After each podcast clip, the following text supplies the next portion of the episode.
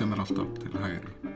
Rétturinn til að ráða sínu lífi en um leið virða rétt annara til hins sama er hortstinn í hugmyndafræði sem ég hef allatíð aðhylds og barist fyrir.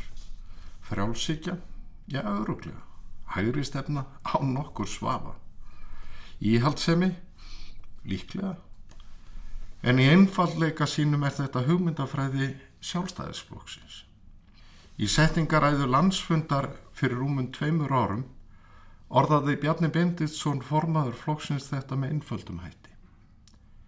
Við höfum byggt allt okkar starf á trúni á frelsi einstaklingsins.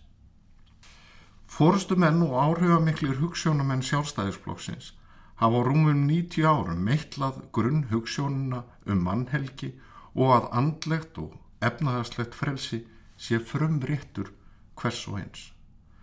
Forsenda þess að einstaklingarnir geti notið hæfileika sinna er að þeir hafi frelsi til aðtapna.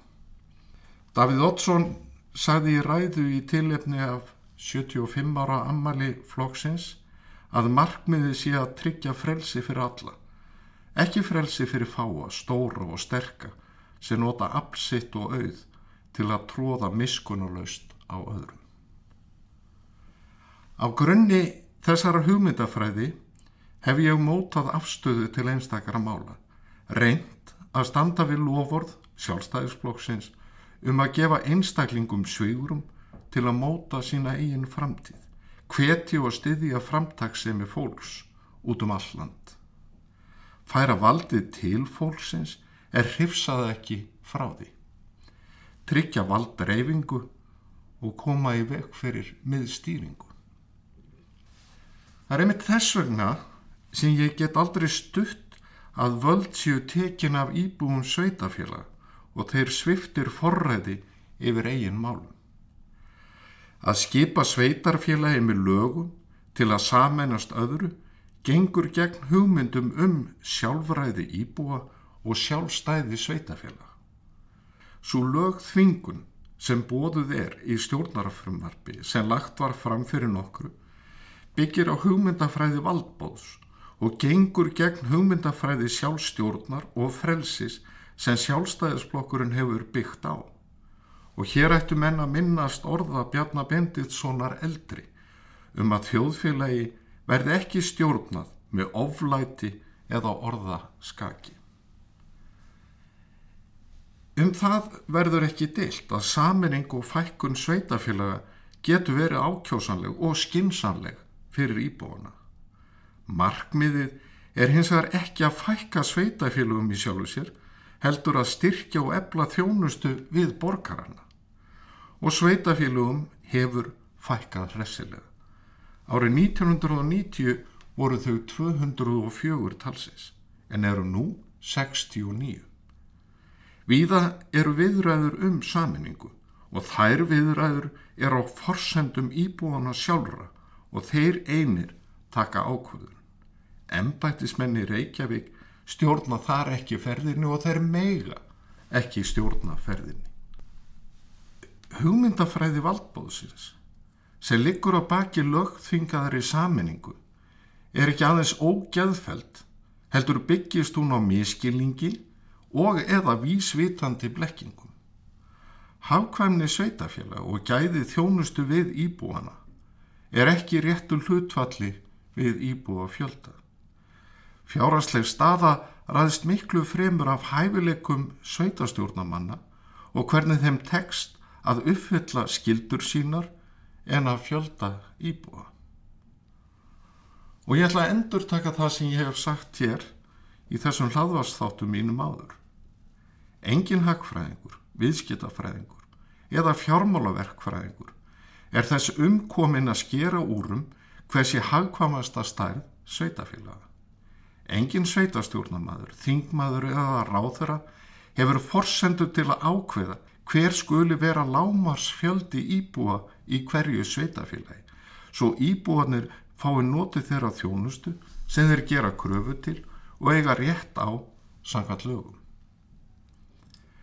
Og rauksemtin um stærðarhagkvæmni sveitarfélaga fíkur út í veður og vind um leið og farið er yfir fjárástöðu og rekstur stærsta sveitafélags landsins Reykjavíkuborgar. Í þessum efnum, eins og í flestum öðrum, er farsalast að halda valdinu í heimabygð.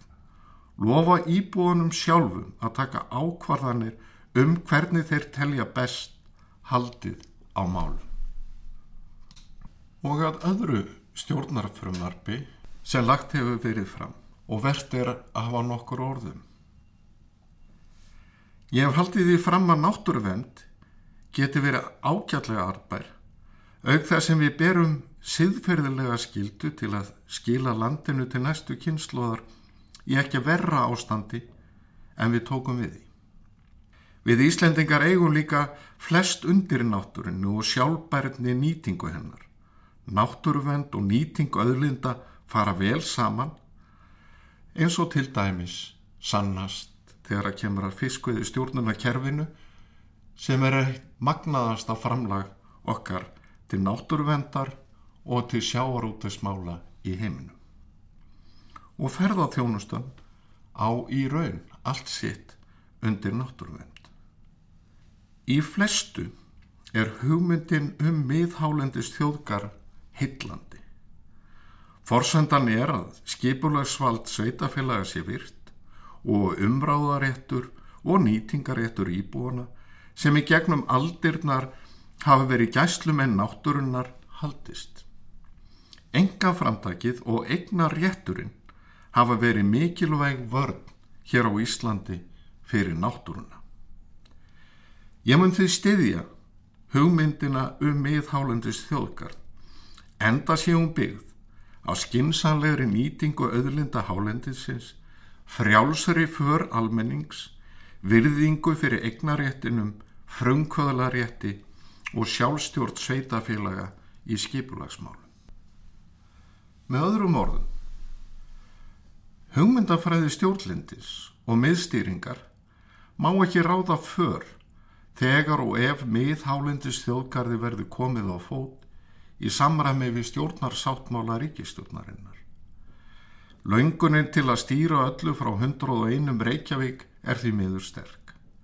Hættan er svo að valdið sógist úr heimabið til örfhára einstaklinga sem neyta að skilja hvernig hægt er að lifa í sátt við náttúruna, verja hana og nýta um leið auðlindir hennar. Það sem eftirlifir þessu kjörtífabili verð ég líkt og aðrir þingmenn að taka afstöðu til margvísleira mála og í þeim efnum get ég ekki stöðst við annað en þann leiðavísir sem samfæring og sjálfstæði stefnan gefa. Oft þar ég og mun þurfa að sveia eitthvað að leið en ákveðin grunnprinsip er ekki hægt að brjóta.